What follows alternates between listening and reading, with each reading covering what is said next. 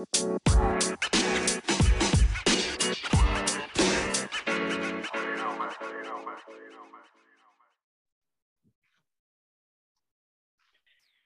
og velkommen til en ny episode av Jordbrukspodden. I dag har vi vært så heldige å fått med oss en eh, Hovde. Ganske godt kjent uh, kjøttfebonde og nå uh, nylig grisebonde òg. Men for, som ikke med, for de som ikke har fulgt med så nøye i sosiale medier og landbruksblader og forskjellig, Kristian, kan ikke du fortelle litt om hvor du holder til i verden, og litt om deg sjøl og hvilken produksjon du har på gården din? Ja, takk for invitasjonen. Jeg holder til i Brumunddal. Verdens navle, er vel de kaller det. det ikke langt unna, i hvert fall. Nei, Jeg driver her med, med mjølkeku nyoppstarta nå, og ammeku og begynt med gris. Jeg er 41 år gammel. Jeg er 20 år nå til nyttår, så jeg tok over gården. Så har drevne år. Drev egentlig litt uh, ganske mye før det òg, mens far min drev. Han uh, sleit med sykdom, så vi har egentlig fått lov å arbeide der vi ville fra vi var små, alle søsknene og jeg. Så nå er det som sagt 20 år, ja. Og da var det endelig at vi har oppnådd nok egenkapital i form av dyr, som gjorde at vi fikk lånt penger i banken til å bygge det fjøset vi egentlig skal bygge for 20 år siden. Så vi har gått ifra da jeg tok over, var det 140 tonn i kvote. Og de ungdyra som hørte til, og har eh, da balla på seg år etter år til dagens produksjon av hver så og 100 tonn storfekjøtt som det er nå. Var oppe på 150 ammekuer. Reduserte jo ned igjen en del nå i forhold til årets jordbruksforhandlinger. Eh, gikk i samdrift med mjølka for 13 år siden og begynte opp igjen nå for ett år siden der. Eh, litt forsinka med bygginga var vi, så det tok eh, ett år i legg til oss før vi var i gang igjen nå i september. I nye. Og er da inne der med mjølkekua, ja. Og så er det da inn med en konsesjon med gris attåt. Så tida har gått fort på 20 år, det har det gjort. Og egentlig vært konstant blakk i 20 år. Det er vel det realiteten på det. Ja, Det er en omfattende produksjon, men et interessant spørsmål som jeg tenkte på. Du er jo en av de få som har uh, hatt uh, forskjellige raser i litt omfang. altså De fleste av oss har jo noen krysninger og noen hit og dit. Men du har jo hatt ganske mange av hvert slag. Så da må det være enkelt å svare på hva er det som er den beste ammekurasen i Norge? Ja, Det er ikke så veldig vanskelig å svare på, egentlig. for det, nei, det er, eh, Jo, jeg har hatt alle raser. Stort sett alt av raser har jeg hatt innom her. og Vært aktiv på på tre raser i 15 eh, år. Eh, ser jo forskjell på rasa i forhold til atferd. Og det er ingen eh, I forhold til beiting og den biten der, så er det jo enkelte raser som skiller seg ut. Så det er jo etter hva slags ressurser en har på gården som er, er grunnlaget, og hva en har av fôr en skal bruke. Så, så det er jo Simmental er jo et dyr som passer veldig godt i Norge.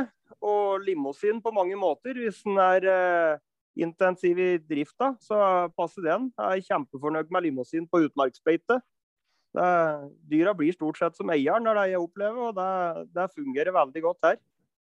Uh, enkelte raser er mer krevende, og det, det skinner i hvert fall gjennom. Er, uh, noen raser er enklere å starte opp med. Herford er jo en uh, nybegynnerrase som, som, sjelden slår feil. Den er snill og grei og tar seg av kalven.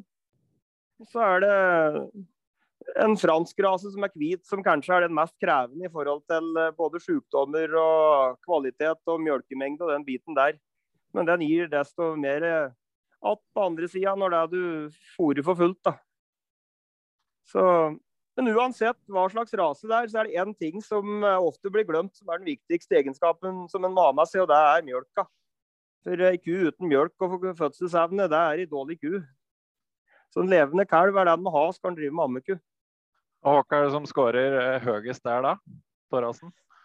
Nei, jeg, Vi ser jo ganske klart her at Simmendal er den rasen med minst tull. Eh, sånn totalt sett. Den har jo bestandig så godt som bestandig mjølka. Nå har vi faktisk opplevd de siste åra nå, etter tre norske seminokser, at det de ikke har av mjølke. En av de oksa er fra meg sjøl, etter den oksen som har høyeste startvekta på staur noen gang. Så det er liksom ingen sammenheng mellom dette og det der. En ser helt tydelig dette her med avl at to pluss to er ikke fire.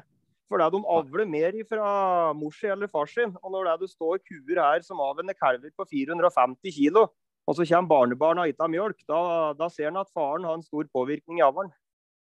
Mm. Så, men generelt er Simentalen det er eh, Når du kommer oppe på et volum med dyr, så får du et smittepress hele tida. Og da ser vi jo hele tida her eh, hvilke raser som det er minst eh, tull med i forhold til diaré og den biten der, og det er Simmentalen. Det er råmjølkskvalitet og nok råmjølk er så avgjørende. altså Skal du få en god start og få en kalv som er i drivet hele livet. Mm. Så, En kombiner, en kombinerer seg jo godt. altså Jeg, er jo, jeg blir jo inhabil her, jeg, da, for det er jo Simental jeg har attåt i mjølkefjøset mitt. Og eh, det, det kombinerer seg godt òg. Altså, krysser, krysser litt att og fram.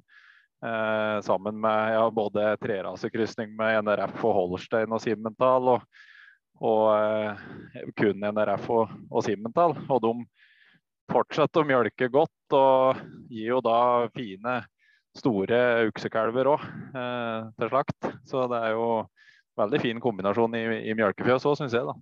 ja, det er det. Det er en veldig fin kombo der. Og vi har jo mye limousin som mjølker godt der og på gode linjer som du har fått med deg mjølka fra de franske genene. og det, Der ser en, eh, hvor viktig det er å ha med seg. og det er eh, da, da blir det nå i lommeboka, og da er det jo liksom forskjell når du kommer på kroken. Så er det det som er forskjellen nå på forskjellen til limousin kontra Simental, er at der, der går det i U så det dundrer, og tidligere E.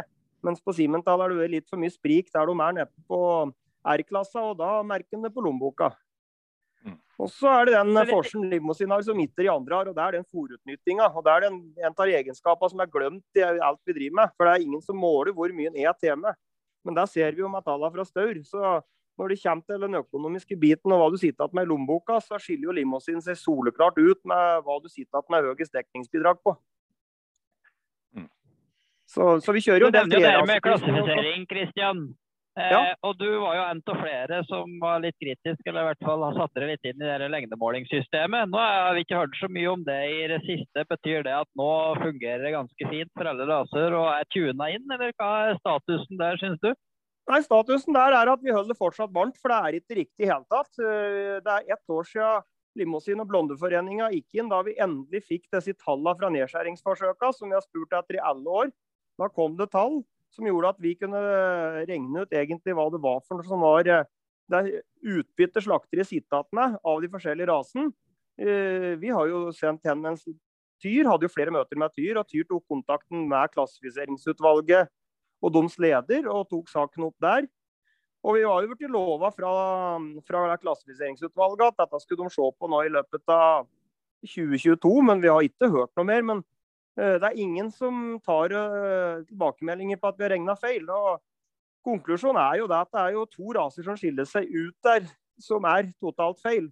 Og det er limousin og blond. Eh, Limousin har jo tre kroner for lite per kilo, og blonde har seks. Eh, Så ligger Charolais, Angus eh, og Herford de ligger ganske likt innenfor en 60 øres differanse, når vi da tar nedskjæringsforsøket og deler ut på antall kilo kjøtt og hvilken gjennomsnittsklasse rasen får. Så Det som sitter igjen med som erfaring, er jo, er jo at de rasene med høyest tallgrunnlag, de stemmer ganske bra. Mens de rasene som de har hatt eh, lite slakt på, de har de bomma stygt på. Tyroller f.eks. kom jo helt feil ut i den statistikken, men det var litt feil sla uh, lite slakt. Men de må ha jo en høy slakteprosent, som gjør at slaktere har et høyt utbytte. Så, så um, i realiteten så er det jo snakk om uh, at uh, for blond da, for eksempel, så er det jo snakk om nesten 2000 kroner. Slakteriet har en høyere gevinst på å ta inn et slakt av den kontra eh, en av leterasen f.eks.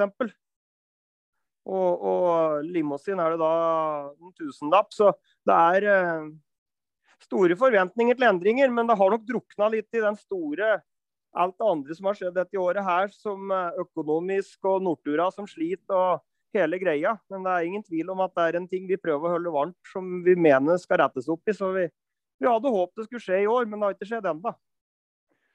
Men vi, eh, vi går jo litt over. i å prate. Vi hadde jo tenkt oss å prate enda mer om dette her etterpå år, sjølsagt. Men jeg vil, eh, jeg vil eh, kaste meg litt tilbake på produksjon, produksjonen din igjen, og garden din. Eh, Ja. Du, har jo, du gjorde jo noe valg, og så ble det grisfjøs hos deg. Kan du si litt om den prosessen? Åssen det har vært til? Ja, det har vært en kombinasjon, da, men ja. ja. det ble det. Nei, det har jo vært en prosess. Dette er egentlig gjennom de 20 åra etter jeg tok over. Hadde et båsfjøs da, fungerte fint. 140 tonn i kvote.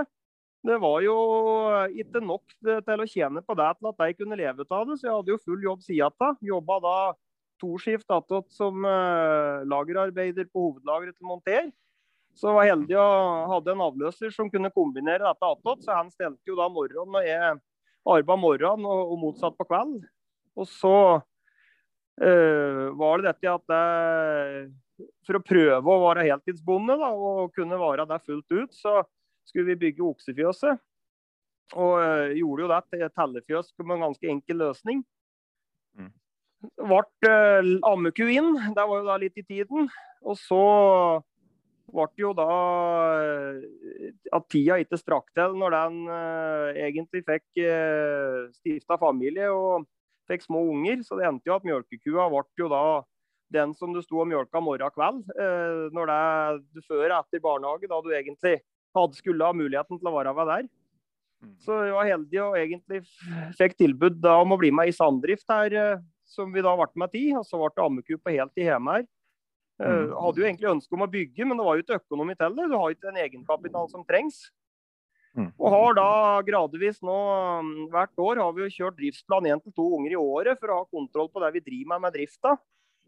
Uh, underveis oppi alt dette her, da, så ja, det var jo under bygginga av oksefjøset, så ble det jo dårlig med kreft. Og da så vi noe nytte av å ha arbeidshjelp med seg, for da var jeg jo borte til drifta i nesten et år.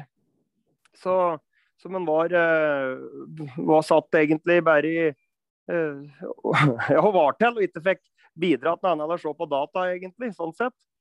Eh, så da dette her med å kunne ha med seg arbeidshjelp, hvor sårbar en var. Den gangen var det jo en bror av meg som steppa i noen nabo som hjertet til fullt ut, og, og fattern. Så, mm. så, det var dette der, der, og da få en arbeidsplass der du kunne ha med deg hjelp. Og dette styrka seg enda mer senere, når det ble gitt en okse som ble utafor igjen. Så vi bestemte oss egentlig for at vi skal ha en måte å drive på der vi kan ha med oss folk som gjør at der vi har muligheten til å bli like mye dårlig som at en skal ha muligheten til å ha fri. Mm. Og så har dette her eh, egentlig i påvente av å kunne få nok kapital til å bygge, så gikk det fram til nå. Og da begynte vi vel for to og et halvt år siden egentlig å spikre planen på at nå skulle mjølkekua hjem igjen. Etter å ha vært i samdrift da i, i ti år. Mm. Og var da å bygge igjen melkeku, men da å få den økonomien til å gå i hop var jo ikke lett. Så det var jo å klare å kombinere dette der med et bygg der vi skulle inn med ammekua. For det, mm. ammekua står jo i dag i et fjøs der det nyeste er ifra 78 under Mjøsaksjonen. Så så lenge kan du stole på den betongen. Det var liksom problemstillinga. Og mm, gikk egentlig og hadde ferdig planen. Fikk støtte fra Innovasjon for å bygge opp mjølka. Jeg er kjempetakknemlig for den. Jeg fikk da eh, en million i støtte til å sette inn roboten. Eh, og eh, eller støtta gikk direkte på at vi gikk på det at bygge for ku med kalv skal være med, og møkkseparator. Og fikk en million til det, og 400 000 for å bygge treverk. Ja. Og skulle bygge da for roboten på min kvote som da var 180 tonn. Og så skulle vi bygge for 150 kuer i bygget i attåt. For da klarte vi å få en økonomi dette som skulle gå rundt, når vi fikk alt under samme tak. Mm. Uh, drev egentlig på med dette i fjor. og Så ble det forsinkelser i uh, byggeprosessen. Med forskjellige søknader og forskjellige ting som gjorde at det dro ut. Heldigvis i ettertid, for så vidt. Så vi kom ikke i gang i fjor høst. Det bor jo slekt til, så folk kaller jo Flåklypa. Så det er liksom ikke å sende alt oppi her på vinterstida like egna. Og, og, da begynte vi på at i vår for fullt. Og da har jo prisveksten rett og slett knekt ammekua i løpet av vinteren. Så vi visste jo ikke egentlig hva vi skulle bruke etter bygget når våren kom. Men at vi satt jo med et bygg som hadde steget kolossalt i verdi, så vi måtte liksom sette opp det ut ifra de kontraktene vi hadde. Og mm. stålet var jo allerede produsert og lå i Danmark. Mm. Og gikk runder med oss sjøl. Hva, hva fankeren gjør vi? Kjørte jo da kalkyler og fant jo ut at det med, med den situasjonen vi havna i, så med de, den plassen de skulle bygge at uh, ammeku over nummer 50 og bygge at de 100 ammekuen, det ville gi oss eh, minus 50 kroner timen i betaling i neste 20 åra for å gå stella. Så hun klarer rett og slett å ikke betale for plassen. og 16. mai, når jordbruksforhandlingen var ferdig, så bestemte vi oss. Da, da må vi se på hvordan vi skal få inn gris her i stedet. For det så vi på som eneste redningen på rett og slett kunne betale bygget. Og da var det jo å se løsninger, hvordan en skal få inn det. Pluss at vi tenker framover. Hvor lenge er det lov å bygge disse dagens binger i forhold til 10 og 10 eller 12 i bingen? Så vi gikk for en ganske utradisjonell løsning her, med, med hjelp fra Hans Trøstheim i Fjøssystemer, som var veldig optimist på måten. Så vi har bygd da seks binger på 180 kvadrat med, med telle. Og opphøydning der de et. Så det er trapp opp der de et, og der har vi da spalt med vakuumutgjødsling. Ja. Og har da 180 kvadrat i bingen og kjører da fra 100 til 130 gris. er der vi kan kombinere da, for da tenkte vi I spotmarkedet da, så var det åpen og mulighet for å ta imot puljer inn i binga som kunne variere litt i størrelse. Mm. Så, dette, er jo, dette, er jo, veldig spennende, for er, du er jo blitt omtalt som foregangsbonde. Og, og, og at det er, det er, jo en veldig ny, ny måte å drive på. Åssen eh, er det det fungerer så langt, syns du? Da, det har fungert veldig bra. Vi, vi, kjørte jo i gang her, og Nortura var jo da, hadde overskuddsgris da allerede i juli. Så vi sto jo her da, betongen var jo knapt tørr før vi sendte inn 450 gris. Innredning hadde jo ikke fått den da. Uh, så, men det var jo bare nå var det gris å få, så vi uh, fikk opp de deleveggene. Bruker tre tom, uh, åtte tom i delevegger. Slipper ned i H-bjelker imellom binga, så det er enkelt å bare løfte ut når vi skal kjøre ut tella. Ja. Og inn med 450 gris. Og automatene de hadde kommet, så de satte vi opp der og fylte manuelt. Mm. Og så kom innredningen etter hvert, så nå har vi jo kjørt gjennom to, eh, to innsatt der. Eh, vi kjørte jo da med litt mer gris enn det vi hadde plan om, da, men når det var gris å få tak i og konsesjon å gå på dette året, så var det jo bare å kjøre på. Mm. Så det har gått veldig bra, gått over all forventning. I september ble vi jo kontakta av Norsvin, som da lurte på muligheten om vi ville prøve oss på vakkgris som da mm, ifra tre avlsbesetninger. Så ifra å egentlig skulle bygge et ammeku i mai, så står vi nå med fastavtale på, på en konsesjon med, med Vakris. Så vi har inne det første innsettet der nå fra tre stykker, så vi har da 330 gris som flyr rundt med ball her, som er vaksinert én runde og skal vaksineres en runde til. Så, så det ble egentlig et veldig greit opplegg, for nå kjører vi en 100 gris i bingen der. Og så det som opprinnelig var fòrbrett, der bruker vi nå til eh, sortering. Og den måten når vi skal vaksinere, så bare slipper vi dem opp der, og så tar vi dem inn igjen til å vaksinere. Ja. ja, Hvordan er fôringa i en slik uh, fôring av gris i en slik stor binge? Den uh, er automater oppe. Fôring som fylles morgen og kveld i de automatene oppe på spalten. Der er både drikking og alt av fôring. Så vi hadde jo håp om at de òg skulle gjøre fra seg oppi der. Der så vi jo med en gang at det ble vanskelig, for de er, de er som mennesker. Så de, de, liker å gå dit det er, er roligst når de skal gjøre fra seg. Så de gjør fra seg egentlig helt motsatt ende av det som var tanken, der det er den høyeste veggen. Ja. Uh, har ikke vært noe stort problem, for det vi brukte på første innsettet, så brukte vi 0,3 kubikk strø per gris inne i tella. At, at de del gjorde fra seg nede. Mm. Uh, og nå ser vi at de bruker enda mindre når det, er, uh, når det er bare 100 gris i bingen her. Og nå har vi jo gått over til separerte møkka, for vi, vi, setter jo inn møkkseparator med den bedding-funksjonen. Så vi, vi, separerer jo all møkk og tar ut at uh, 30% av, av storfemøkka tar vi ut at nå og, og gjør om til strø. Ja. Så, så, det er jo Nå som vi tok inn gris her for fire uker siden da på Uh, inn i talla så var det inn med 30 kubikk separert møkk som da holdt over 60 grader. Så de hadde jo det regelrett ordentlig varmekabler når de kom da, inn på den talla der. Ja, det er litt interessant. Hvordan er det med altså, ja, oppvarming og hvordan blir temperaturen? I, for det er jo mer volum, vil jeg tro, i en slikt fjøs enn tradisjonelt. Ja, det ble jo et voldsomt skur, da, sånn sett, for det er på 2600 kvadrat. Så det er mjølkekua tar en fjerdedel, og så er det nå ammeku inne på en fjerdedel, og så er grisen på, på halve bygget. Og nå fikk vi jo testa det forrige uke, for da var det jo nede i 17 minus. Og mm. det er jo naturlig ventilasjon her. Så, og da var vi neppe på sju grader innvendig i veggene. Men nede i binga av grisen så var de over 30 grader så når jeg var nede og målte der. Så all grisen har ligget helt på flanken, rett ut. Og noen ligger på spalten for at de syns det er kjøligere der. Ja. Så, så det har fungert over all forventning. Det som har vært litt grann av mm, utfordringen første runden her, det har vært eh, at vi fikk noen kasseringer av hjerteklaffbetennelse. Eller rett og slett en sånn rødsjuketendens. Mm -hmm. Og det tror jeg det har vært et stort problem i høst med rå luft. Så det har nok generelt vært et problem over hele, hele Østlandet. Men ja. uh, alt som er inne nå, er vaksinert da, mot rødsjuke. Så det er en sånn liten ekstrakostnad for å prøve, prøve å sikre seg. Ja. Ja, nå, er det, nå, er det, nå, er det, over på mer sånne svinetekniske ting, så tror jeg Ola må slippe til. ja, men jeg komme med et spørsmål eller, som får være litt kritisk til en storbingeløsning? Altså, ja. Eh, plukkslakting, slakter du hele bingen, eller plukkslakter du? Og det er vel der største problemet jeg ser for meg, da.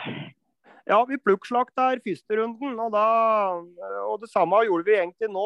Pluss at vi tømte ut ganske mye nå til jul før vi gikk på, pga. at er nå har fritt på konsesjon i år og har tilgang på gris, så valgte vi å slakte litt for lett gris nå, egentlig. For å, for å heller tjene penger på, på, gris på nyåret.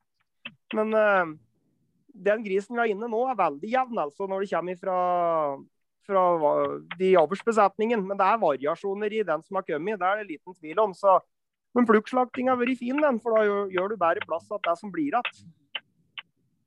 Men, men det, det, er litt uh, ja, når du skal gå på og sortere ut 450 gris, så ser du ikke helt lyst på det. altså når det, Da, da, da skal, du, skal, skal, du, ha tålmodigheten med det, ja.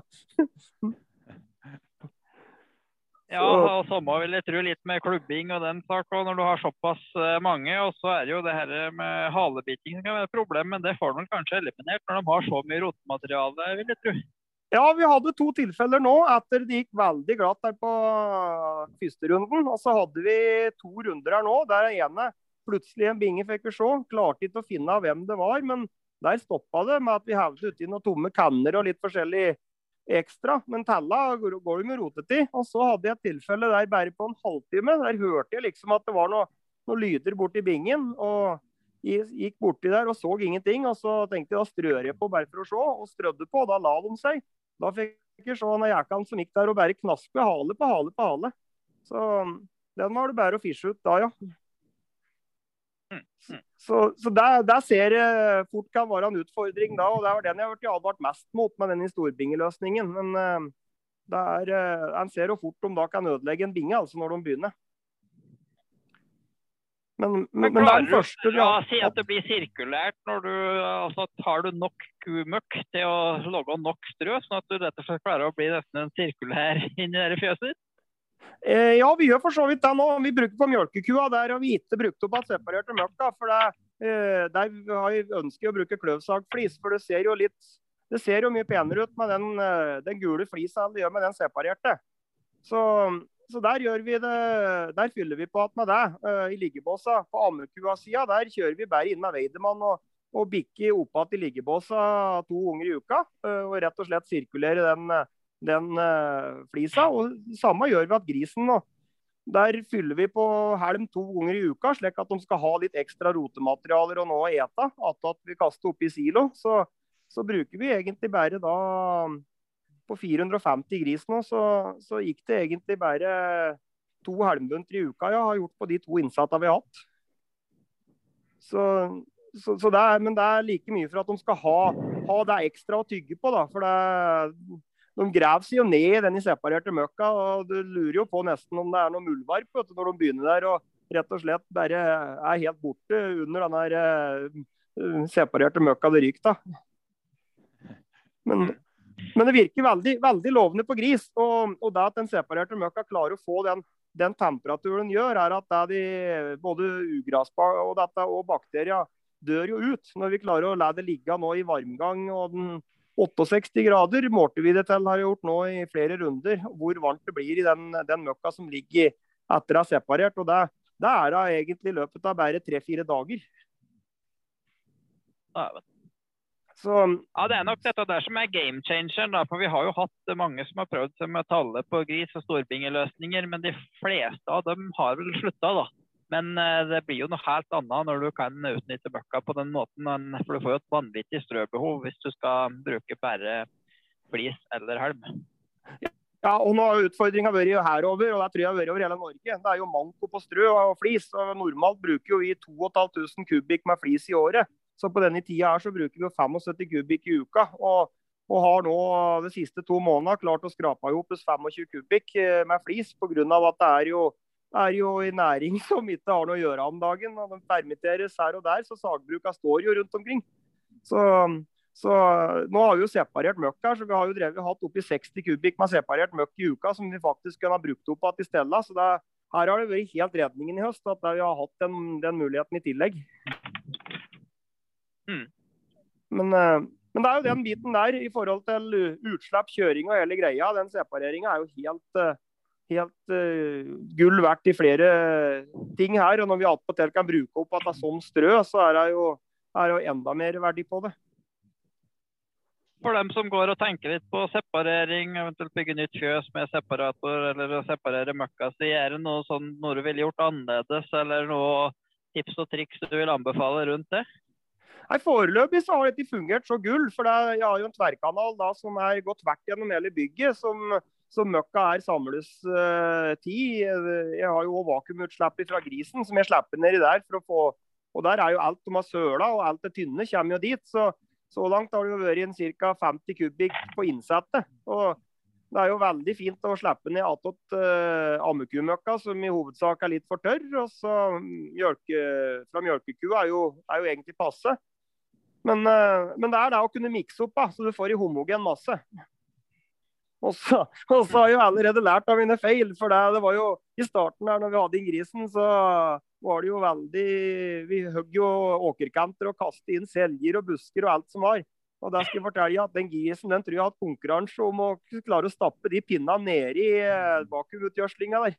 Så, så, så, så, heldigvis ble det laga en veldig bra løsning på For den vet at ting kommer til å stoppe seg. Så den pumpa som går av separatoren, den henger i en elektrisk vinsj. Så det er, tar meg to minutter å heise opp den pumpa og renske. og det det har vi måttet gjort noen ganger og ta av all kvisten som har festet seg under der, ja.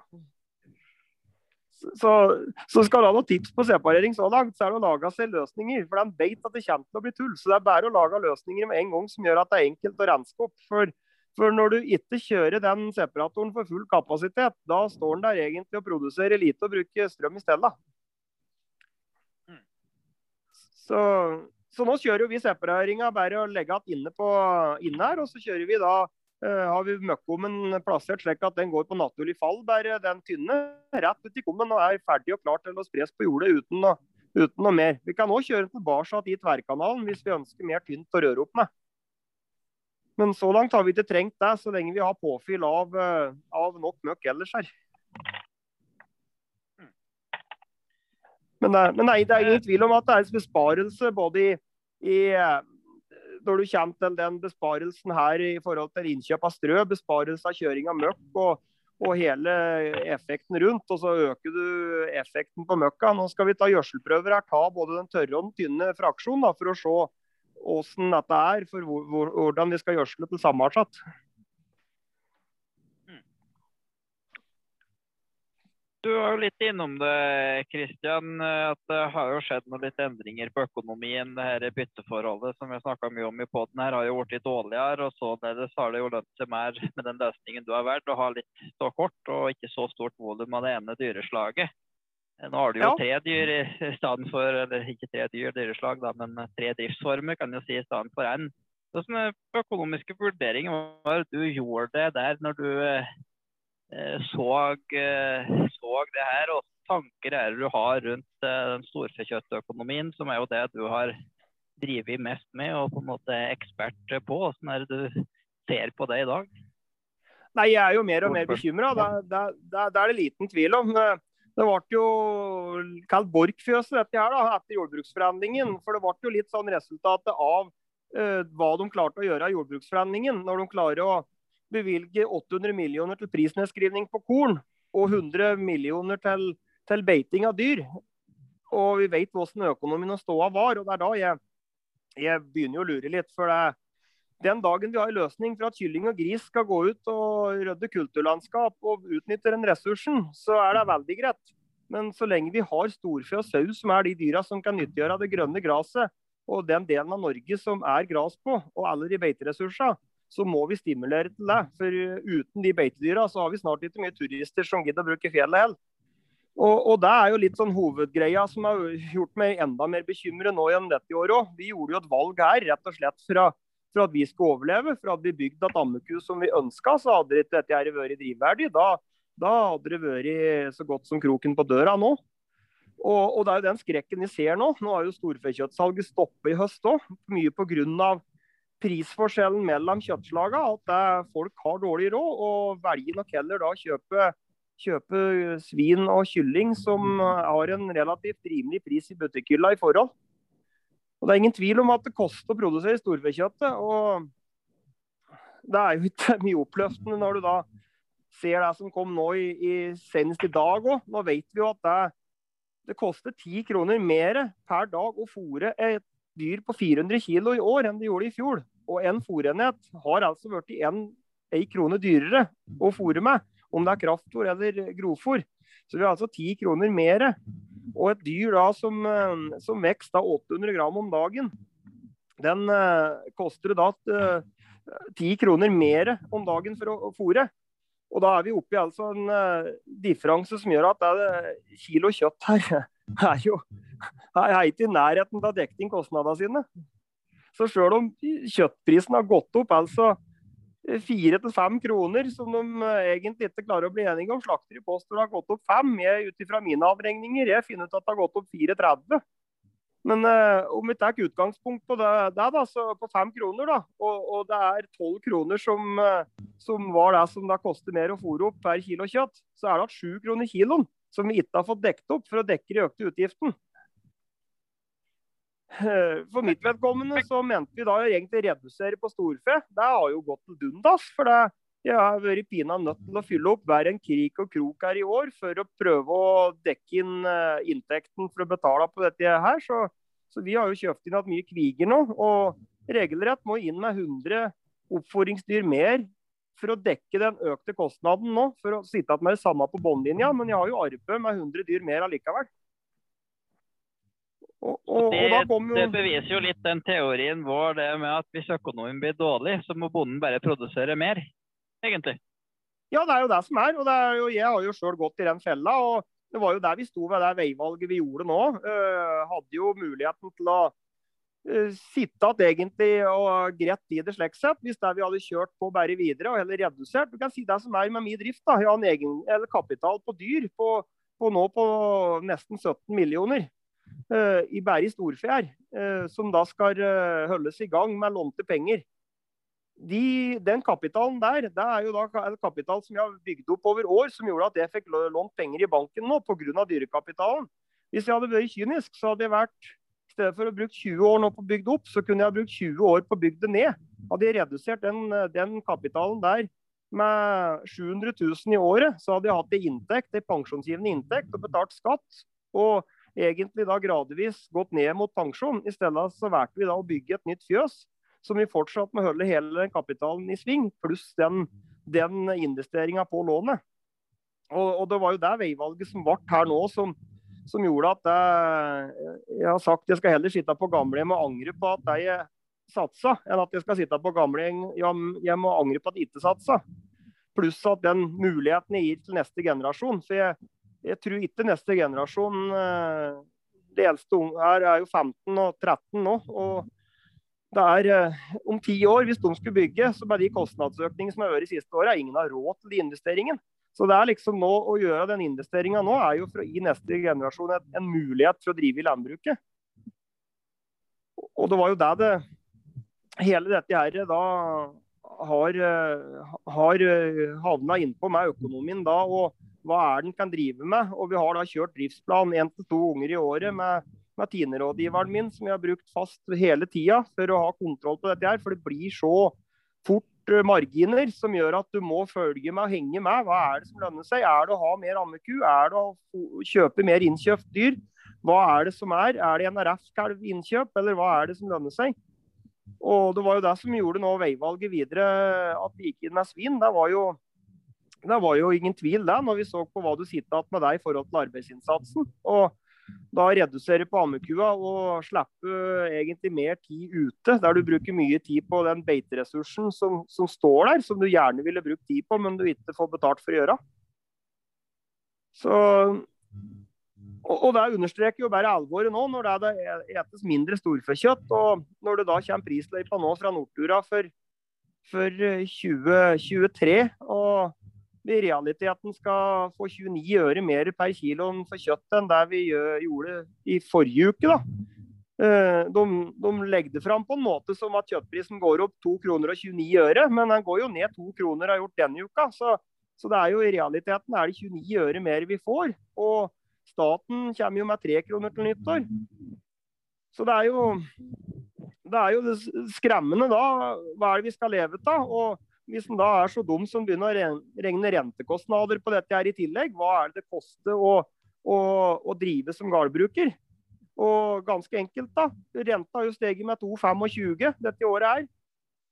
Og driver du med 50 ammekuer, har du 5 millioner i lån og produserer 15 tonn eh, med kjøtt i året, så er det faktisk 8 kroner per kilo kjøtt som du må ha i høyere inntekt i 2023, bare for å få dekt utgiften. Og Da er det jo ikke mye oppløftende at det kommer 29 øre fra Nortura da, som skal gå opp nå. Så nå kommer det vel 2,60 til i løpet av våren, da, men det, det er langt att altså, for å dekke det gapet da, som er på 7 kroner, som vi opprinnelig var, pluss 8 kroner i renteøkning. Det, jeg vet ikke hvordan jeg skal finne fram det i lommeboka, og hvem jeg skal fortelle i banken at det, det er eh, slik er det vi ønsker i norsk landbrukspolitikk. Og da prater du jo om kostnadsdekninger, ikke sant? Ja, da, da er vi kun på kostnadsdekning, ja. Mm. Og Det er jo der den store forskjellen er. for at det er når vi valgte gjorde det valget vi gjorde, det valget var å bygge et ammeku og innfinne seg med at dette blir en helsika kostbar hobby. Jeg skal tape 50 kroner for hver time i arbeid. Jeg har med meg ansatt som da koster borti 300 kroner timen. Og så skal du da sitte igjen med at du i utgangspunktet har tapt 350 kroner timen for at du har med deg arbeidsfolk på å bestelle den ammekua. Og sette inn svin, der vi da så langt har hatt et vederlag på arbeidet vårt for over 300 kroner timen. Så, så, du dekker i hvert fall utgiften til avløseren og, og gjelda på bygget. Og Det er der den store forskjellen er nå. altså, Og vi ser bare gapet bli enda større mellom, mellom næringa internt. at uh, Hvorfor skal det være så store differanser. Og jeg unner både kylling og svin og kalkun og alle hver i krone. Men hvem skal drive og produsere det, det, det, den ressursen vi har på beiter og gras? Hvis det vi skal ha en så skjevfordeling der det ikke lønner seg å gjøre en investering overhodet. Mm.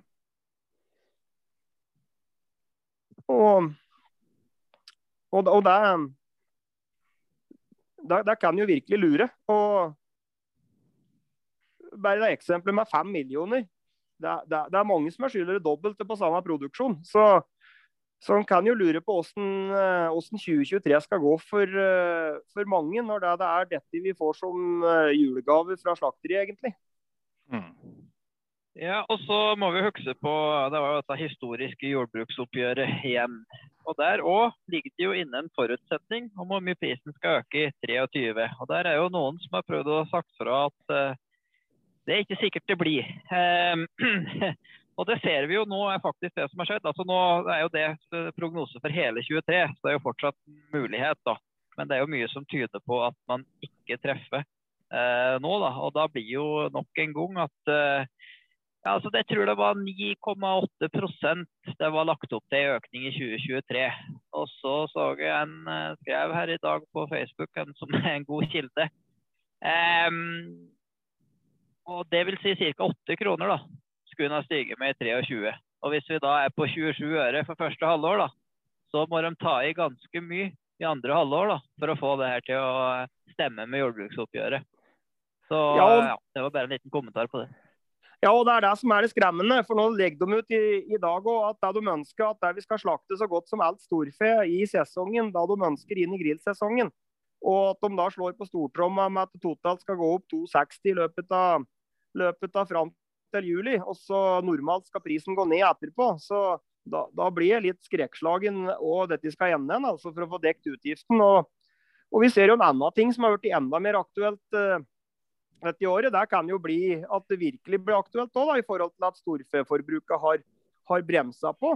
Det er jo at det noe som det koster ti kroner mer om dagen å fôre et dyr. Et, uh, en okse på 700 kg levende vekt, det er 600 kg levende vekt, den har blitt relativt mye mer kostbar per dag.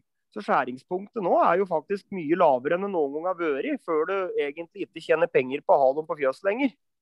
Så mm, vi drev og regna litt her nå. Det er jo eh, Skal du ha en okse etter den er 380 kg, så må du ha en stigning på 1 krone måneden bare for å dekke de økte utgiftene for at det lønner seg å ha igjen stående på fjøset.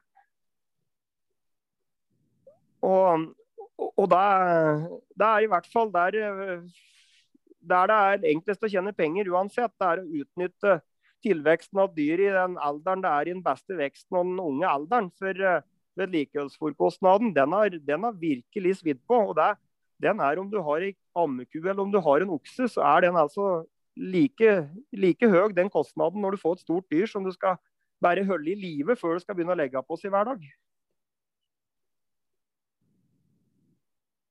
Men eh, trenger vi egentlig noe bedre økonomi, da?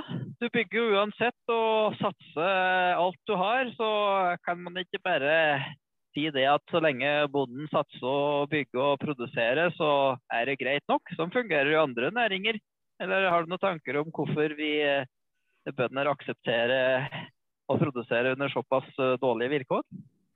Nei, der, du, der, der er jo et kroneksempel på egentlig jeg kaller meg egentlig den, uh, Norges største idiot og optimist i samme slengen. i forhold til at nå, nå gikk vi på en smell med bygging her òg, så det ble jo 2,5 million dyrere enn det vi skulle. Uh, det ble noen runder med Gråkjær som egentlig prøvde å ville, ville, ha enda mer. Dette er jo siste bygget av Gråkjær i Norge. så de, de prøvde å avslutte med stil, der de virkelig skulle hatt omdømme om at de aldri skulle komme til Norge. og Det har de egentlig klart på.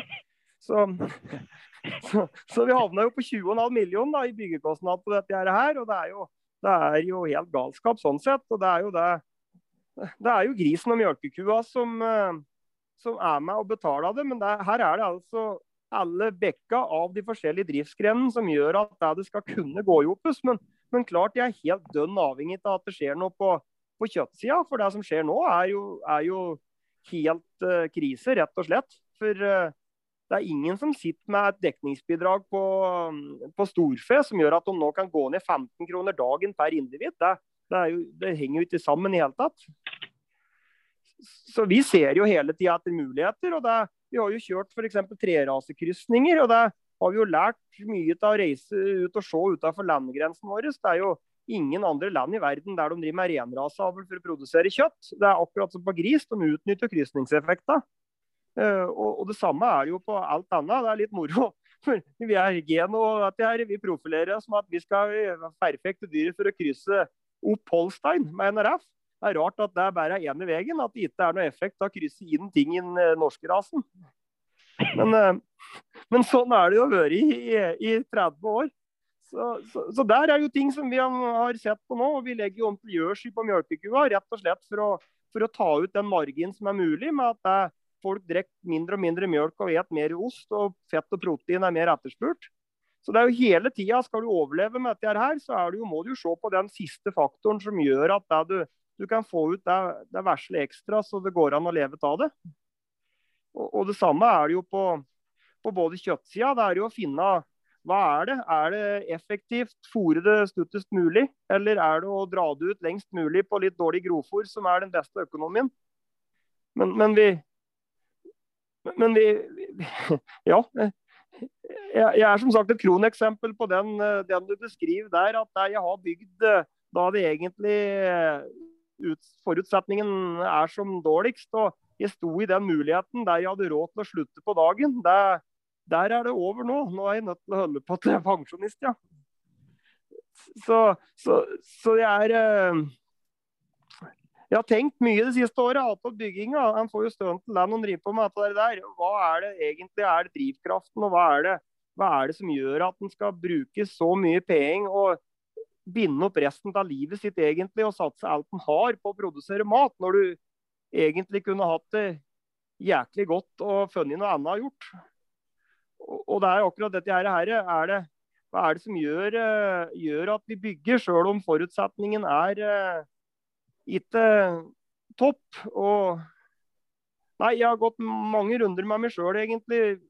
Hva, hva, er det, hva, er det, som skal Drivkraften, ja. Men uh, for meg så er det gleden av å holde på med dyr som har vært i det hele her. Men uh, det, er, det, er ingen ulempe av en økonomi som gjør at du kan betale på gildet òg, altså. Eh, men er ikke det et litt sånn varskotegn når du som har vært så innovativ og gode produksjonsresultater og er liksom i toppen både på avl og fòring og økonomi, at du skal liksom gå rundt og bekymre for økonomi med den egenkapitalen og hvordan du har drevet og bygd det opp, er ikke det eh, sier ikke det noe litt om at vi er på helt feil vei? Du burde jo vært liksom i toppsjiktet og tjent greie penger for at en bonde med mye mindre volum på en plass som kanskje er enda mer tungvint å drive enn det, skal, skal kunne få til et levebrød? Jo, det er, det, er, det er, helt riktig. Og det er jo det som er, er liksom hva Hva skal han gjøre? Det, det farlige med å tjene penger som bonde er jo at du skal betale skatt. Og, og det farlige med at en bonde tjener penger, er at den investerer i egen drift for å produsere mat i framtida. Og det er jo liksom eh, Ja, jeg har tenkt det samme. Da jeg tok over, så skulle jeg være gjeldfri når jeg var 40. Det, det gikk jeg på en kjempesmell. Det er det bare å, bare å, bare å innrømme. Men eh, Nei, du, du, du sier nå men det er den her, det her som egentlig har dytta på litt i tillegg. da, det er det er at du har med deg en ansatt. Og så når du da egentlig eh, kunne ha halvert drifta og søkt igjen med det samme, men da har du verken muligheten å ha med deg en ansatt eller å ha muligheten fri. Og Det har vært litt den biten av meg at det, det er denne her mye håndtering av storfe. og denne biten der, Hadde du vært en vanlig arbeidsplass, så hadde du ikke fått lov å dreve inn alene engang. Da skulle du ha vært minimum to uansett. Så, så, så, så det er eh, Nei, det er eh, Du, du sier nå Vi har jo det er jo nå av grunnen til at vi nå klarte å få lånt ut mer penger. har jo en, en bank, Sparebank1, som skjønner landbruk og har trua på det han driver med. Så han må jo bare synes det er moro da, når banken faktisk låner ut penger for at den skal, skal, produsere mat. Men, eh, men, det er jo ikke noe, noe sunnhetstegn når det er du ikke har likviditet i hele tatt, uh, om å gå i banken og låne penger nå for å rett og slett holder i gang til tilskuddet kommer. Mm. Så men, men, du driver jo ganske stort med storfekjøtt og har et betydelig volum. Og så er du jo litt inne på det forbrukertrender, og du får med den inflasjonen vi har, så er det dyrere å produsere kjøtt. Sånn er det bare. Det er en del faktorer som taler for at uh, forbruket går ned. Det er liksom det er vanskelig å svømme motstrøms. Um, hva tenker du om hvis man virkelig klarer å få en helt annen pris som gir en annen økonomi per uh, individ? Er du da villig til å, til å, kunne ha litt færre dyr og produsere litt mindre kjøtt hvis du har en annen båndlinje per dyr, eller er det sånn at da vil du bare gasse på, og så spiller det ikke noe rolle på en måte? Eller hva, hva tenker du liksom framover, ti år fram i tid, må vi akseptere litt lavere volum og sørge for å ta ut pris, eller hva er det som liksom skal, skal berge oss? Nei, og der er det jo det jeg har uh, gnigga litt i glasskula når vi gjorde de investeringene jeg har gjort her òg, da. Det er jo å se inn i framtida. Og og det er akkurat det med mjølka. Der har vi gjort det med, med elegant gjødsel i forhold til en mindre dyr som er mer fôreffektiv. Eh, du kan tråkke mindre på beite. På, på ammekusida så er jeg jo sikker på at det, den i trenden kommer til å komme videre. Eh, skal vi overleve i Norge, så har jeg sagt ganske klart ifra at vi kan aldri få det billigste kjøttet, men vi skal bli verdens beste på dyrevelferd og, og renhet og det vi produserer.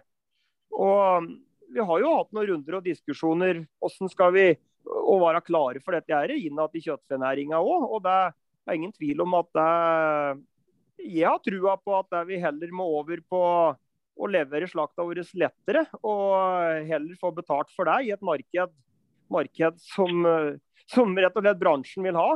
Det er jo En av grunnene til at det utenlandske kjøttet har et så godt rykte, er jo at alle de slakta som kommer til Norge, er jo mellom 330 til 370 kilo slakte.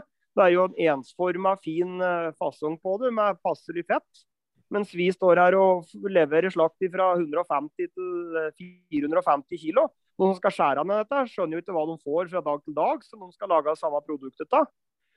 Så, så, jeg er ikke i tvil. jeg. og Det er jo det vi har prøvd å egentlig satse på nå. Det var jo å redusere på, på dyretallet for å heller ha en bedre hverdag for å få det til å, å gå i opus. Og da heller legge om drifta slik at vi skulle sitte igjen med det samme. Men, eh, men mølla går, og når det er drifta ikke klarer å dekke inn, som gjør at det vi bare må fylle plassene, og det er det som har vært litt det den det, det, er feilen som er gjort, gjort til landbruket, mener jeg. Vi har jo effektivisert nå vanvittig på den tida jeg har drevet i de 20 åra.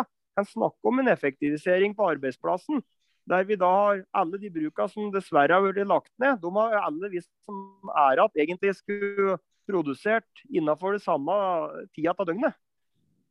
Og jeg skulle gjerne heller hatt litt mindre dyr og heller støtte igjen meg mer. og det det er jo det jeg tror at vi må satse på, og heller da uh, eksempelvis begynne å kastrere oksekalva og sende meg den på utmarka da, for å utnytte den ressursen. Og der har jeg jo trua på ammeku f.eks. Med, med heller høstkalving i stedet for vårkalving, som har vært det mest vanlige i Norge. Da har novemberkalving, kastrere oksekalven, sender den med på utmarksbeite og tar den ifra i, eh, når den kommer igjen i september. Fôrer den intensivt uh, ja, nå er prisløypa litt feil, så må i hvert fall annet over jul. Og så leverer den, så har du egentlig utnytta den på mest mulig beiteressurser og, og norske ressurser. da.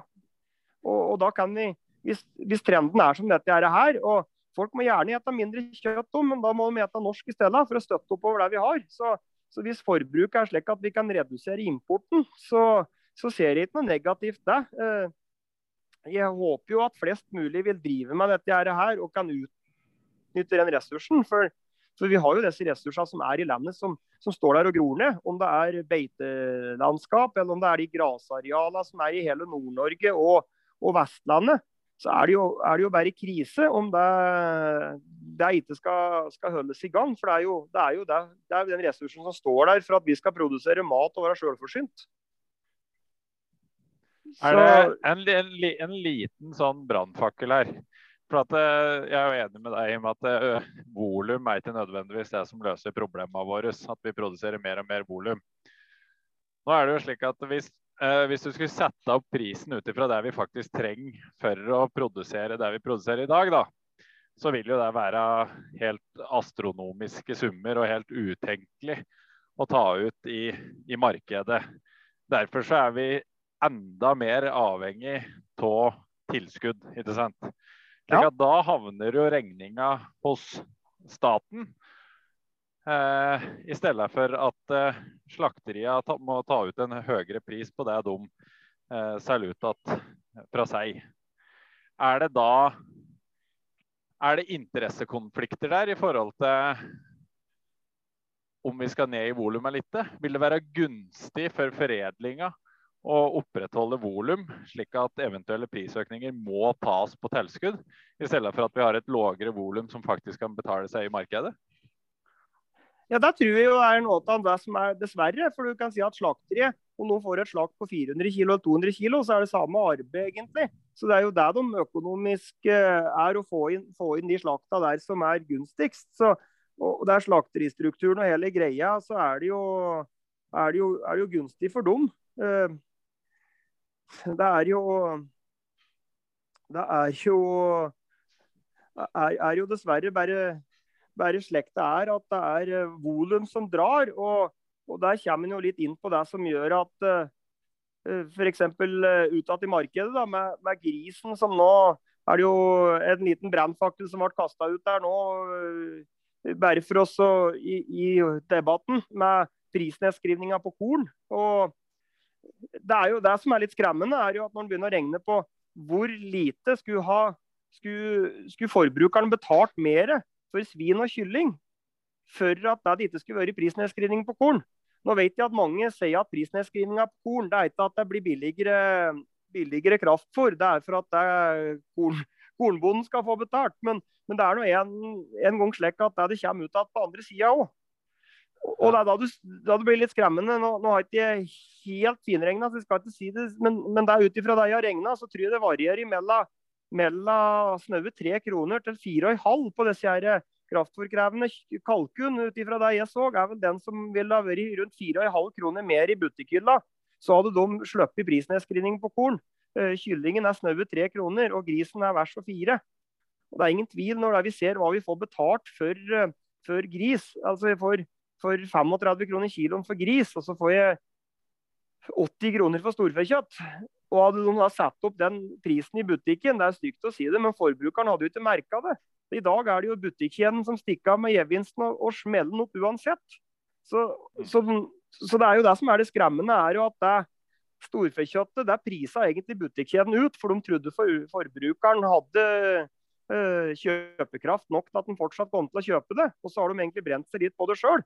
Men øh, det var ikke noe problem for, øh, for Reitan og den gjengen. for det vi har jo kylling og svin som vi da kan kjøre litt kampanjer på, for den har vi jo så billige avtaler med likevel.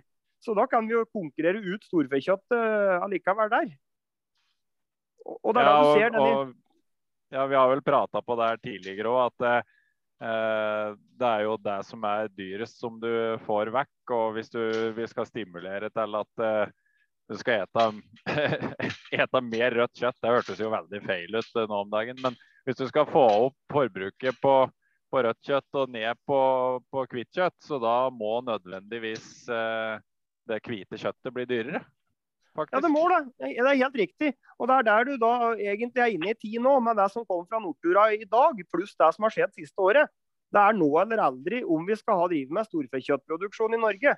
For at det er ikke liv laga. Når det ingen har råd til å bygge, uh, ingen har råd til å egentlig snart ha dem i de nedbetalte bygga. Altså, du, du får, det er ikke noe økonomi å drive til det. Og når du tar et eksempel, da, den prisnedskrivninga som økte i jordbruksforhandlingene i år med 800 millioner. Hadde du lagt de 800 millionene over på beitende dyr med ku med kalv, så hadde du hatt 8000 eh, per ku med, med 100 000 kuer på beite. Som faktisk hadde rydda et landskap og utnytta ressursen. Og hadde du da satt opp da prisen i butikkhylla ellers, som da hadde kommet, kommet bonden direkte til gode, så hadde du egentlig slått to fluer i en smekk. Du hadde satt opp prisen på det kjøttet som vi ønsker forbrukeren skal bruke. Og vi hadde holdt mm. kulturlandskapet i hevd. Vi hadde holdt hele Norge i gang. Så, så jeg er litt, litt overraska over den vrien der Senterpartiet var med på. Så, så vri over på denne her, og til og med legge det under at det skulle gjelde, kunne gjelde på importkorn i tillegg. da. Men, men det, er, det, er, jo der hele bøygen er. og når du da Den faktoren som ikke er nevnt nå, f.eks., er jo den den uh, oppi alt, det er jo at uh, det koster jo 30% mer å bygge et fjøs i dag enn det gjorde for to år siden. Uh, og når du da begynner å regne ut at det er per kilo kjøtt og per liter mjølk, om det er eller kilo kjøtt på gris og hele greia, altså du ser, ser hvor dårlig det kommer ut, og hva du egentlig må ha mer for til. så blir du jo skremt. Det var vel eh, frykten for at mjølkebøndene skulle få det enda verre, som eh, gjorde det til at det ble slik, mest sannsynlig? Ja, og det er jo Ta mjølkeku f.eks. 150 tonn i kvote. Det er ganske enkelt regnestykke. Det, det fjøset der kosta rundt 10 millioner av norgesfjøset. Det har steget til 13 millioner. Da har du altså 3 millioner som skal forrentes over 20 år ekstra med 150 tonn i kvote. Da har du én krone mjølkeliteren som du må ha hatt mer i 20 år bare for å betale for økte byggekostnader. Mm.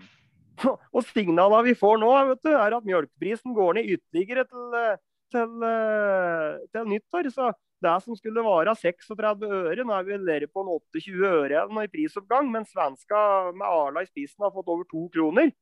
Og når vi vet da at vi har en økt kostnad på fôret på 1 krone literen, og en økt byggekostnad for alle som vil bygge og gjøre om i løpet av de neste ti åra. Den har steget med én krone melkeliteren for en kvote på 150 tonn.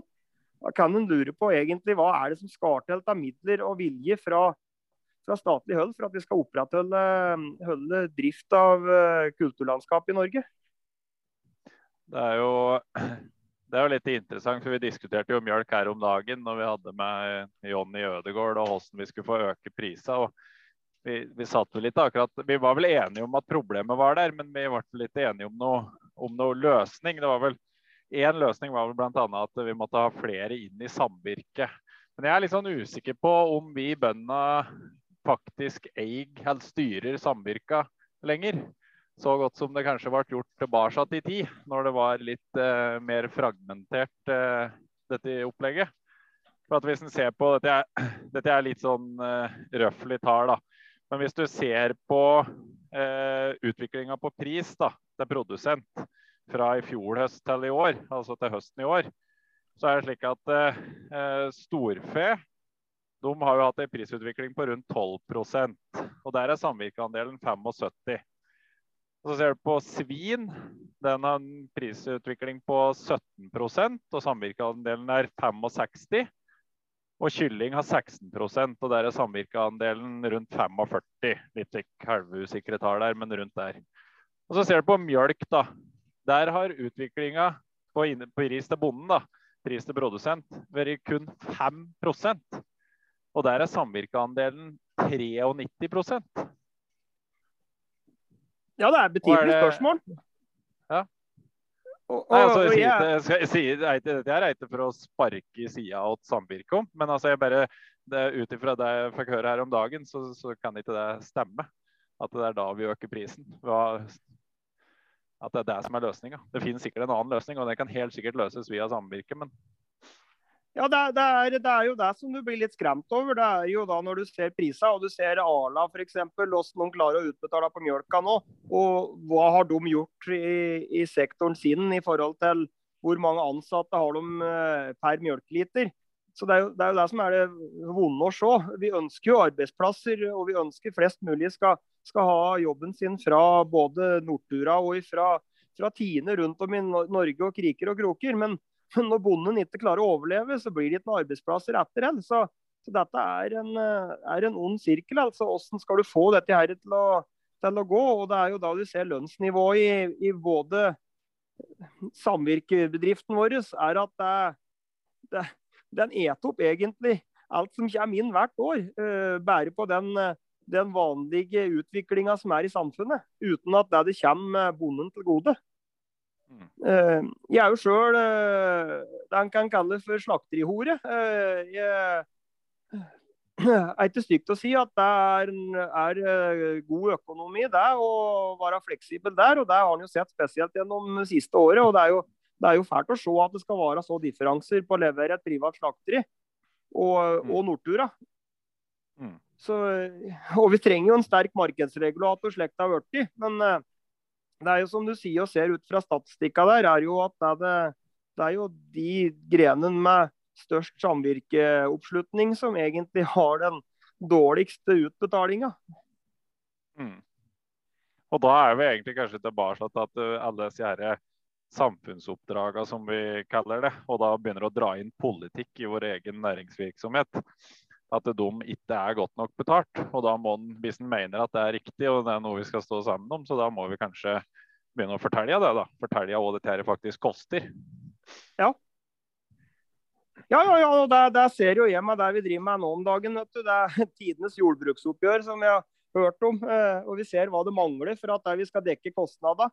Eh, for min del så mangler jeg, jeg mangler over en million for å dekke de økte kostnadene dette året her. Nå kommer det forhåpentligvis nå på tilskuddsposten i eh, februar. For, for mitt vedkommende så ble det jo en liten redning. og Det er ikke ofte, ofte grin over at det skjer ting i jordbruket, men når de fjerna taket midlertidig på husdyrtilskuddet for ett år, så var det i hvert fall noe av redningen for at jeg ser muligheten til å holde et år til med dette her. og det er jo nesten en million i økning i utbetaling på tilskuddet som kommer i februar, som, som vil dekke opp dekke opp mye av de økte kostnadene, men det er jo bare en midlertidig ordning. Så lenge er det, er det mulig uh, dette skal gjøres i gang.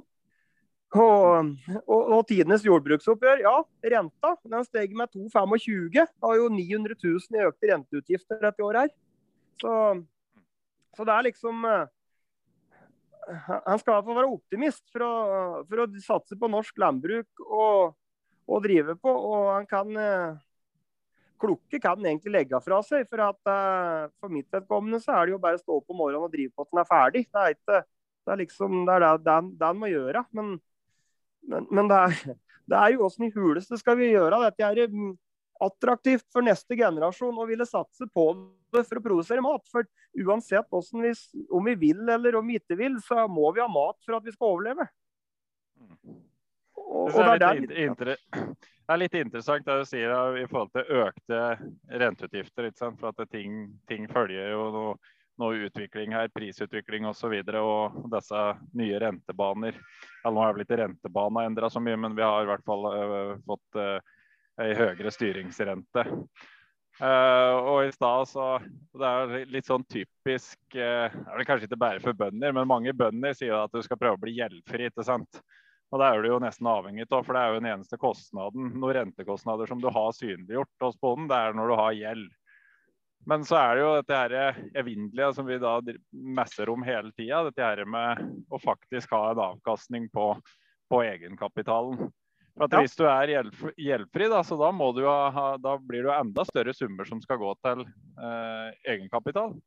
Tenk, men folk må egentlig begynne å tenke på hvis de skulle sendt faktura til seg sjøl på de penger som de, penger som de sjøl har lånt ut til sin egen bedrift. Da.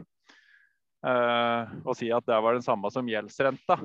Og hvis du da har hatt da f.eks. nå 900 000 i økte gjeldskostnader, da, og hvis alt det hadde vært egenkapital, så var jo det òg en, en avkastning som du burde forvente på det du sjøl har lånt ut til egen bedrift. Men der er vi dette her tror jeg er sånn der mindset som, må, som folk må rett og slett bare uh, må ikke forstå det. Altså, Du må bare lære seg det. Lære seg å bruke det. For alle andre tenker slik, alle andre næringer.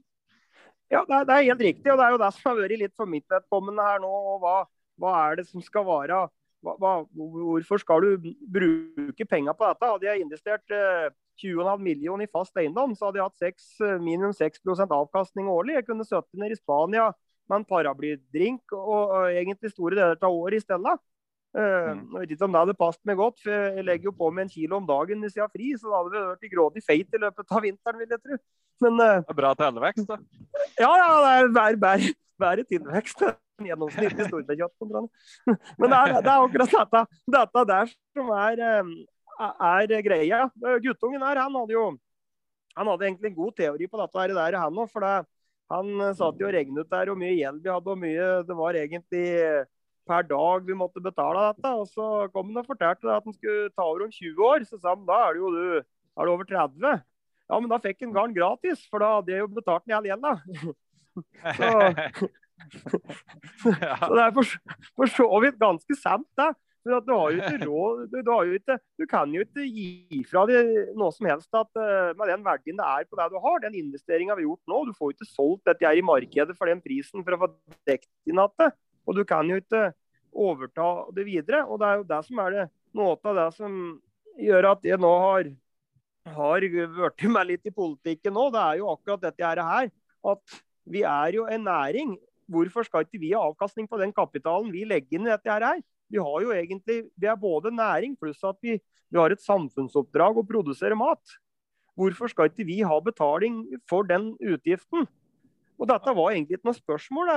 for 20 eller 30 år siden, når folk hadde 20 kuer. Det var ikke noen stor kapitalkostnad da, det var liksom noen hundretusener. Men når du da ser den kapitalkostnaden du nå skal binde opp, og du må, må altså arbeide i 20 år og drive ganske hardt for at du helt tatt klarer å bygge opp en egenkapital som gjør at du kan få lånt penger i banken. Så, så, så den der bøygen der, og det, den blir bare hardere og hardere. altså så så hvis de ikke klarer å få til en enighet politisk på at det skal være avkastning på, på kapital, så, blir det ikke mye landbruk. Og det er jo den store, store greia nå er jo at ja, er du gjeldfri, så er det ganske godt å være bonde. Men har du gjeld, så vet du hva du skal betale. Ja, rett og slett fordi det ikke fører kostnader på din egen kapital, og, Ja. samtidig som du slipper å betale kostnader til de andre som har investert i bedrifta di, altså Ja. les banken. Ja, og det er akkurat det. Og da kan du si for mitt vedkommende nå, når jeg har bygd for 20, så har jeg egentlig den egenkapitalen min på, på dyra på 15 millioner, det er egentlig penger jeg skulle hatt lånt av meg sjøl inn her nå, med avkastning på minimum 6% hvis du skal ha ført noe som helst som, som gjøres resten, i resten av samfunnet. Mm. Ja. ja, der er det jo kommet noen interessante nyheter, eh, Ola, men det skal vi vel kanskje ta, ta i en egen pod rundt avkastningskrav og osv. Tenk, tenk på en annen ting som vi glemte litt av. Du er vel fra Brumunddal, Kristian. Hvordan er landbruket rundt det? Hvordan har utviklinga vært i de årene du har drevet, for dem som ikke kjenner området der, liksom? Hvordan, hvordan er ståa? Er det mye optimisme, eller ja, hvordan er det, liksom? Det er begge deler. Det er heldigvis uh, området her da, så har vi mange unge som har tiår nå siste åra, som ønsker å, å, å starte. Uh, men du kan si der jeg bor, da. Jeg, jeg bor jo da 450 meter over havet. Brumunddal ligger på 120. Uh, og jeg bor bare 5 km fra sentrum, så det går ganske sentrumsnært, men rett oppover her. Og rundt meg her så var vi fem melkeprodusenter når jeg tok over. Så Mjølkebilen hadde fem tappepunkter. Og i dag er det at uh, når jeg starta opp igjen nå, så er det bare meg oppi, oppi her, da. Så, så, vi har jo det, det, har jo redusert med så det er at en tredjedel antall melkeprodusenter i området her i forhold til det det var for 15 år siden. Uh, mye optimisme. Det er vel at bare to båsfjøs faktisk i, i, området her. Og det ene av dem blir bygd om nå til Sandmars. Så det, det er heldigvis at det er nok til å drifte. Uh, vi er jo heldige å ha ei utmark som bare er ei eh, elmenning, som vi er med til sammen med resten av elmenningen i Ringsaker. Så vi har jo et felles eh, beitelag der, som vi har en 1600 storfe i fjellet samla om sommeren. Så Heldigvis er det såpass mange som vil være med, slik at vi får en vaktordning til å rullere der òg. At det er, er, det er vakt etter hvor mye dyr vi har, men vi klarer å rullere da, slik at det er forskjellige folk gjennom hele sommeren. Men det er plass til mange, altså. Men sånn det har blitt nå, så er det jo flere og flere som da heller har lite dyr og jobb utenom. Uh, og har det stygt å si det, litt som en hobby. da. I stedet for å abonnere på Aftenposten og lese den, så, så driver de med litt husdyr og jordbruk attåt på, på aften, attåt av jobb. Og ja, jeg tror egentlig det er de smarteste som har gjort det på den måten der. For da har de i hvert fall en sikker inntekt både for å få pensjon og sykepenger, pluss at de, de, har en hobby og holder jorda i gang. Og det er mange meget dyktige som gjør det. Så nei, altså det er, det er optimisme rundt der. Og det er jo ikke noe jord som ligger brakk, for så vidt. Så det er jo det er, det er god driv rundt der, og det er jo kamp om jorda. Så, så det er eh, du hører liksom resten av Norge mange plasser der du, der du omtrent får jorda for å drive, så er det jo, er det jo må du over 500 kroner målet her for å leie jord for å få, få noe jord å dyrke på. Hvor mye koster det å dyrke et mål, da? Ja, det er i hvert fall 20. Her er det jo um, Oppå meg så er det stein og vann. Her er vi har i bakken. Så, så det er i hvert fall 20 000 altså, for å, målet for å dyrke. Det er det nok. Ja. Men, da, da, da, er, egentlig, da, hvis en skal tenke fra et slikt eh, avkastningsperspektiv, så er jo egentlig ikke 500 kroner målet fullgærlig. Da prater vi om 2,5 da, i ja. avkastning på den eh, kapitalen der. Så hvis du investerer 20 000 da, i å dyrke og stikke, og så får du 500 kroner i året, så er det avkastning på 2,5% i året. Og da er det vel Da er du under det bankattack hvis du låner penger for å dyrke den jorda, da. Ja, ja, ja. Så det er bare litt like interessant. Jeg, jeg, tror at det er Jeg tror at eh, han, han, må ha med seg alle på laget her. Og jeg tror at eh, de som òg sitter på jord og leier ut jord òg, eh, vil jo òg nyte godt av at eh, næringa i sin helhet da, får bedre lønnsomhet. Og det er jo Selvsagt vil det forsvinne penger ut ifra den aktive bonden og til de passive som sitter på ressurser som vi leier. og Slik er det jo i andre sammenhenger òg. Og det gjelder både avløseren, både din og min, og de ansatte, og, og, som får bedre lønnsvilkår, og, og, på at du får bedre leieinntekter på, på f.eks. jord. Og da er det kanskje mer interessant for kall det den passive, da, og faktisk dyrke opp noe av den jordressursen som en har rundt seg, og som kanskje ikke er dyrka i dag. Ja. Det, det er sant, da. Og det er jo det som er litt skremmende hvis, vi, hvis det blir gått dårligere med, med kjøttproduksjon. Jeg, jeg, er ikke så sikker på at all jorda verken av meg eller i nabolaget her hadde blitt drevet hvis det ikke jeg hadde holdt på her. For det, folk står ikke i kø for å drive med med bratt og jord som er passe, passe god i tillegg. Så, så, så det, er, det, er, en liten sånn farlig trend. Altså, vi skal jo ikke reise langt før vi ser hvordan det blir seende ut når folk ikke vil drive lenger. Så, så dette er ære være alle som setter spaden i jorda og dyrker opp. Det er jo virkelig en ressurs for framtida. Men det er omtrent like dårlig avkastning som å bygge et fjøs til 20 millioner, slik sett, ja. Mye, mye dårligere å bygge et fjøs. ja. Litt på tampen her da, Kristian. Vi er jo på en måte, De fleste er jo enige om problemet. Det er for lav lønnsomhet. og Det er ikke fordi at det ikke er interessant å, å drive og mangel på folk som ønsker å drive med landbruk, egentlig. Um, så er det veldig mange som prøver å komplisere det her. Ja, det er veldig vanskelig, vi vil miste volum hvis vi setter opp pris. Altså, og vi kan få produksjon. Altså, alle mulige problemer kommer opp når faktisk bonden skal ha avkastning på kapitalen sin og lønn. Da dukker opp problemer alle steder. Eh, er det egentlig så vanskelig, eller hva tenker du? Er ikke bare en av kaka for liten? Summen av det du får produsert for varen og de tilskuddene du får, er rett og slett for liten? Eller hva tenker du? Jo, jeg er jo inne på det. Vi må jo se muligheter i stedet for begrensninger. Det er jo det som har vært drivkrafta mi hele tida. Og, og, gjort det vi har gjort nå med den bygginga med ku med kalv til uh, mjølkekua og store binger av grisen. Det er, jo, det er, jo, hva er det vi ønsker? Hva er det vi ønsker? Skal, skal varen vår bli solgt? Ønsker vi å bli tatt over av importvarer, da må vi gjøre oss mer attraktive enn den varen som skal importeres. Og vi vet at prisen antageligvis må være høyere. Men, men det er jo det som er hele hele biten der Å lage en, en, vare som forbrukeren ønsker seg. Og, og som jeg sa i stad, når det er forbrukeren vi vet at den egentlig vil ha mindre strekningsdeler, så er det jo helt galskap at vi står og slakter slakt som er altfor store eller altfor små. Vi må jo gi det forbrukeren ønsker seg. Og, og det har jo vært litt drivkraften min nå, for å prøve ut forskjellige raser. Både Vagin og, og, og nå Gjørsin og den biten der. Ja, ja, det er det markedet ønsker, og da må vi legge opp etter det.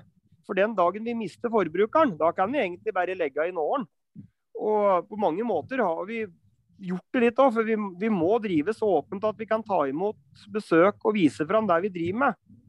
Eh, jeg skjønner at det er en del som er redd for både smitte og sykdommer, og det gjør seg vanskelig. Men, men vi er på mange måter med å stenge døren og lære andre ta styringa på, på drifta vår og bestemme reglene. Når vi ikke åpner døren og viser fram det vi driver med og det har jeg opplevd litt. Vi har jo prøvd uh, drevet litt med utegris, og vi har uh, drevet med retur av kjøtt og vagi og kastrater og den biten der.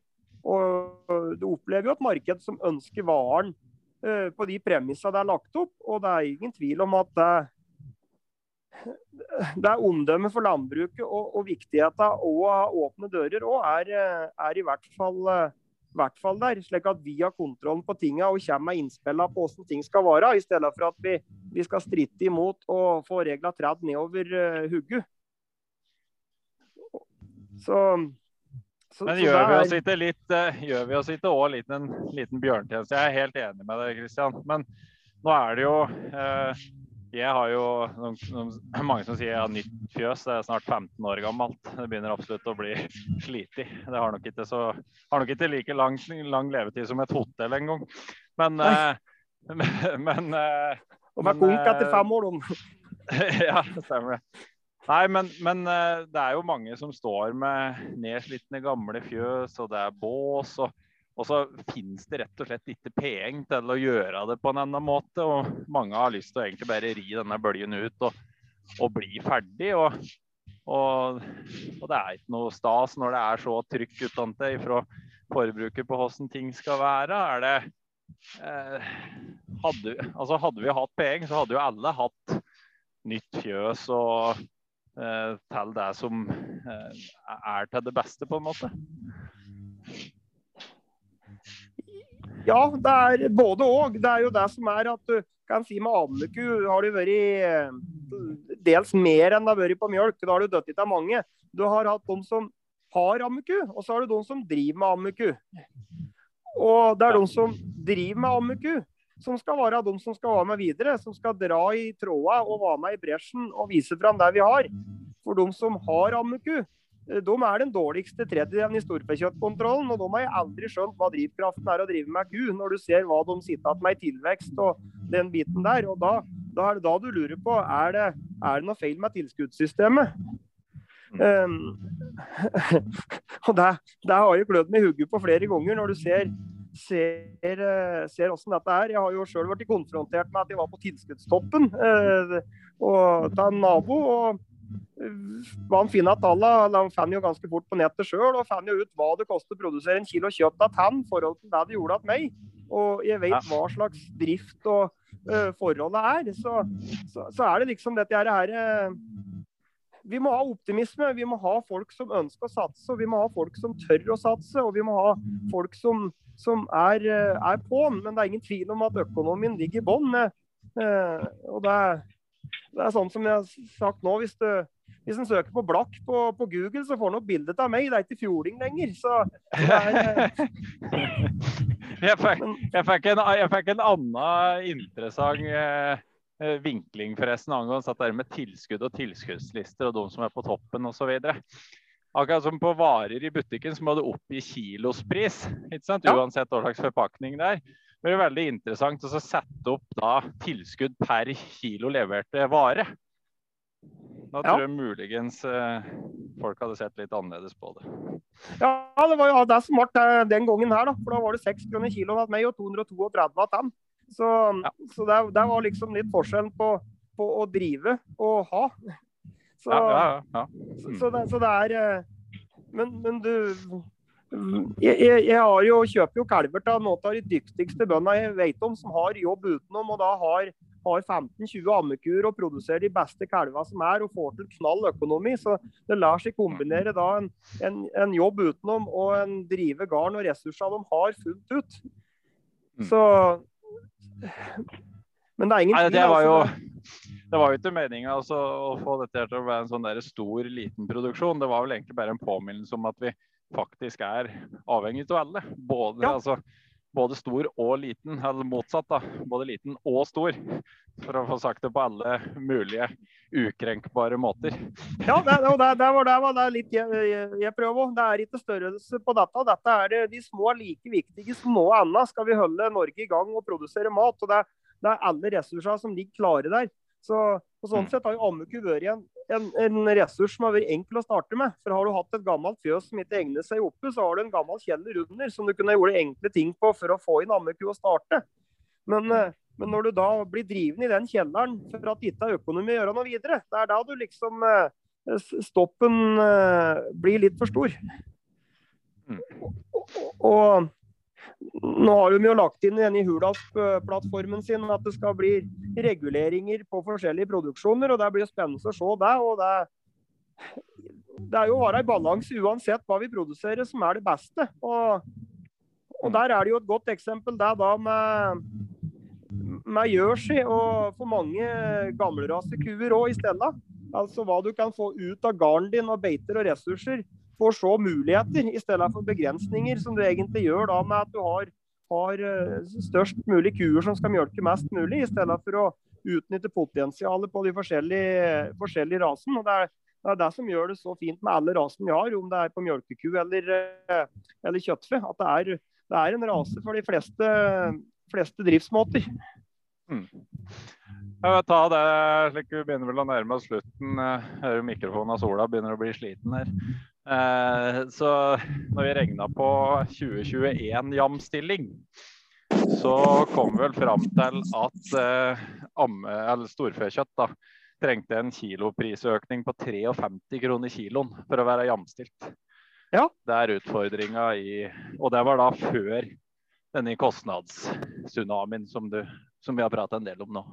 Ja. Så langt i kveld. Ja, det, det er, det er, det er, da du får tankevekkeren. Og det er der jeg sier at det, nå er det egentlig Det er et, et spørsmål nå som gjorde at det, den eh, Erling kom opp med uke i forhold til prisnedskrivninga. Det er egentlig et spørsmål om å skal vi ha ammeku og storfekjøttproduksjon i Norge. For eh, skal vi ha ammeku og storfekjøtt, så må det betales for at det, det, skal gjøres. Og den har ikke bare en jobb som å produsere kjøtt, den har faktisk en jobb for å holde holde landskap og Norge i gang. Det er snart like mye en turistdel som en kjøttproduksjon, men det, det fine med det er at du kan kombinere det. Mm. Og, og, og det, er, eh, det, er, litt sånn spøkefullt. Den dagen svin og, og, kylling finner på at de har beitedyr som kan gå ut og rydde dette. Nå har jeg som sagt drevet med utegris, jeg vet hva kostnaden med å ha gris ute er i forhold til den inne. og Der har du jo et enkelt regnestykke. Skal du, De som ønsker at vi skal kaste ut all uh, grisen, da. En gris er 300 mm. gram mer om dagen når den går ute. Så en konsesjon med gris ute, den tilsvarer at du, du bruker altså over 60 tonn mer kraftfôr i året. Ja. det er 300 000 mer kraftfôr, pluss jorda du ødelegger. Uh, pluss at du mister fullstendig kontroll og ettersyn og hele greia. Så, mm. så, det er liksom sånne ting som ikke er gjennomførbart i hele tatt.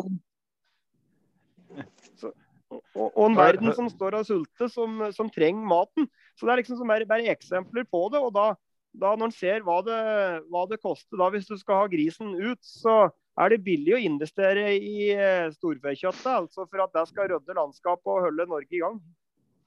Da skal jeg, jeg skal bare poengtere en liten ting med det siste du sa der, som er veldig interessant. og før jeg slipper den Ola, for det er vel på tide å runde av litt. Men det du sier der med økte kostnader i forhold til å tilfredsstille et krav f.eks. om utegris osv. Det medfører som sagt en del kostnader og investeringer sådan. Og så lenge du ikke tilfører da en ny kontantstrøm inn for at du gjør de tinga som dekker opp for den investeringa, så blir ikke det gjennomført ute hos bonden. Enkelt og greit. Nei, det, det, gjør ikke det. Og det er ikke gjennomførbart med dagens økonomi. Når du da får en kraftforregning på 300 000 ekstra, så, så kan du jo si, at da å legge til rette for grisen inne, og det samme skal du kaste kyllingen ut. Da er det billig å gi litt mer for kyllingen og inn og vinduer for å glane ut og få litt dagslys inn. I, i stedet, for, uh, stedet for at vi skal begynne å få disse dyra ut på beite. Yes. Yes. Helt riktig. Nei, men Ola Da går du eh, fort i godt selskap. Så da tror jeg vi må ja. prøve å runde av. Og så eh, kan hende vi ber dem å, å, delta en tur til, Kristian. For du har mye på hjertet og mye meninger å komme med. Kanskje når vi nærmer oss jordbruksoppgjøret og vi begynner å få litt krav fra Tyr og litt forskjellig, så kan vi kanskje ta opp tråden og diskutere det. Ja, det er fullt mulig. For når han har satt seg i den situasjonen der, så er han iallfall nødt til å holde seg oppdatert hva, hva han skal drive med for at han skal overleve. Da sier vi tusen takk for at du var med oss, og så lykke til videre både med gris, ammeku og mjølk. Takk for det. Hei, hei. Ha det bra. Ha det godt.